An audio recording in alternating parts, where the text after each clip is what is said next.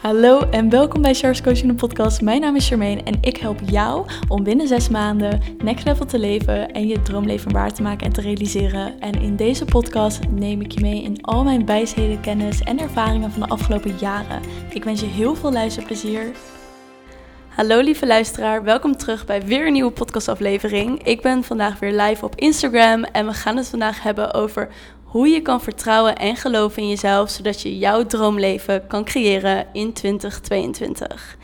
En voor de mensen die er live bij zijn, pak je journal er weer bij, mocht je dat nog niet hebben gedaan. Als je de podcast luistert, kan je dat ook gerust doen.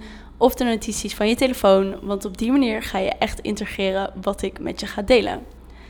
Gisteren hebben we het hier al kort over gehad op de live QA die ik op Instagram heb gegeven.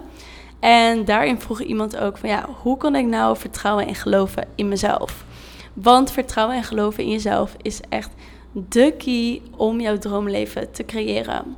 Want op het moment dat jij niet vertrouwt en gelooft in jezelf, dan kun je je droomleven niet.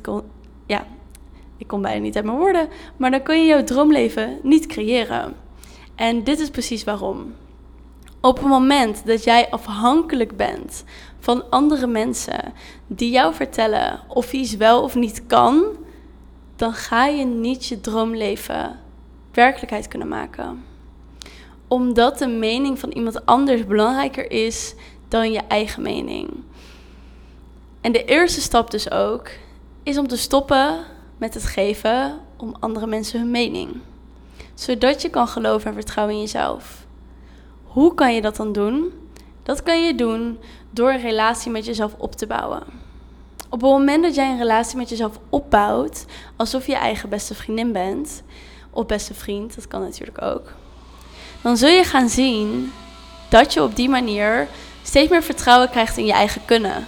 Omdat je je eigen kwaliteiten gaat inzien. Omdat je gaat inzien wat je nou allemaal daadwerkelijk kan.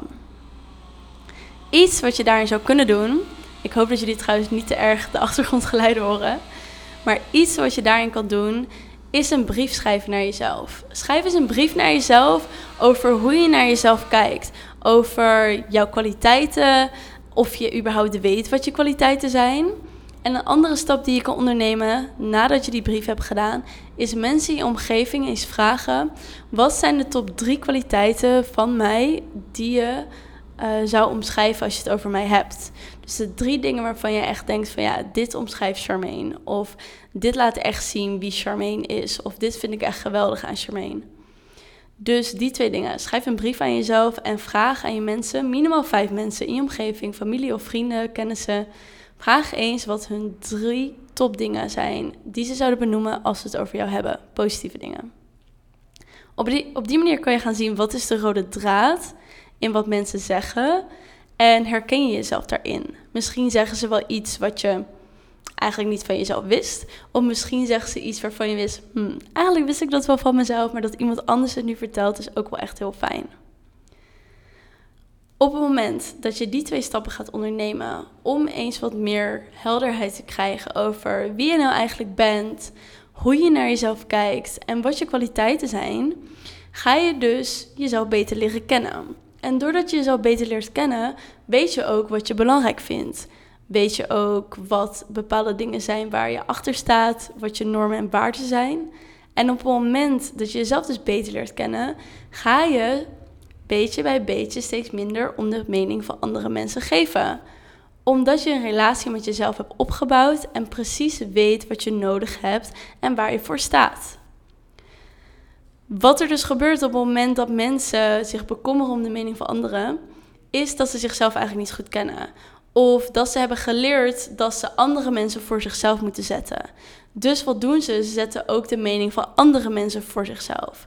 Op het moment dat jij jezelf weer op nummer 1 zet en jezelf heel goed leert kennen, zul je gaan zien dat je dus ook niet meer om de mening van andere mensen gaat bekommeren. Dit is een proces, geef jezelf de tijd. Maar door hier continu mee bezig te zijn en aan jezelf te werken, zul je gaan zien dat het steeds gemakkelijker gaat. Ik zie allemaal je hartjes, dus jee, blij dat jullie het goed ontvangen. De tweede stap om te vertrouwen en geloven in jezelf is eens om voor jezelf op te schrijven: wat is voor jou vertrouwen en geloven in jezelf? Wat is dat? Wat is de betekenis die jij daaraan geeft? Wanneer vertrouw je op jezelf en wanneer geloof je volledig in jezelf? Wie is die versie van jou die dat doet? Heb dat helder tot in de details. Want op het moment dat je tot in de details helder hebt wie jij bent, wanneer je gelooft en vertrouwt in jezelf, dan kan je in die persona gaan stappen. Als je eigenlijk niet weet hoe dat in elkaar zit, dan gaat het je ook niet lukken om erin te stappen, omdat het een grote waas blijft.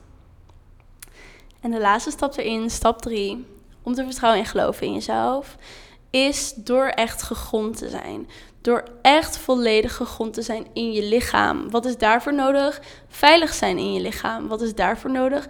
Leren om met je emoties om te gaan en te weten dat het veilig is om te voelen.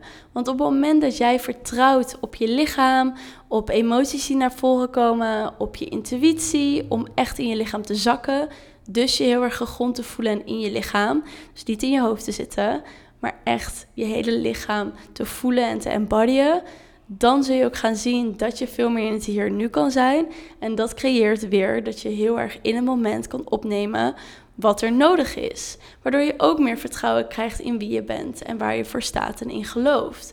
Want op het moment dat jij continu in je hoofd zit en bezig bent met andere dingen, dan kan je niet oppikken wat je nodig hebt om bepaalde stappen te ondernemen naar jouw droomleven toe.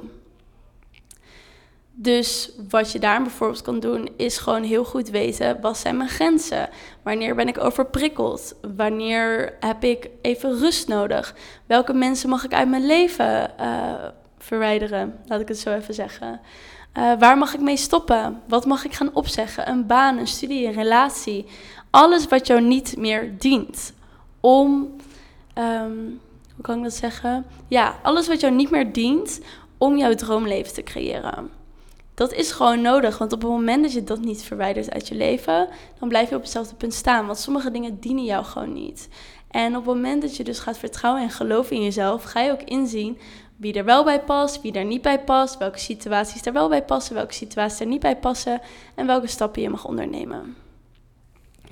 Alright, kort maar krachtig, zoals ik zei, ik ga elke avond gewoon even kort en krachtig 10 minuutjes lang iets delen over een onderwerp.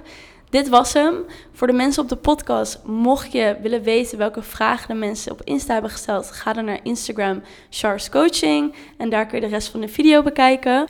Wil je hier nou meer over leren? De deuren van mijn halfjaarprogramma AOSW, The Art of Spiritual Woman, is nu open tot en met 17 januari. Dit is je kans om jouw droomjaar te creëren in 2022 en het dit jaar echt anders te doen. Wil je meer informatie? Check dan de show notes of ga naar www.charscoaching.com. Dankjewel voor het luisteren. Vergeet me niet te volgen op Instagram. En je helpt mij ontzettend door een review achter te laten op iTunes. Daardoor wordt de podcast nog meer zichtbaar. En natuurlijk door het te delen met je vrienden en familie. Dankjewel en tot de volgende episode.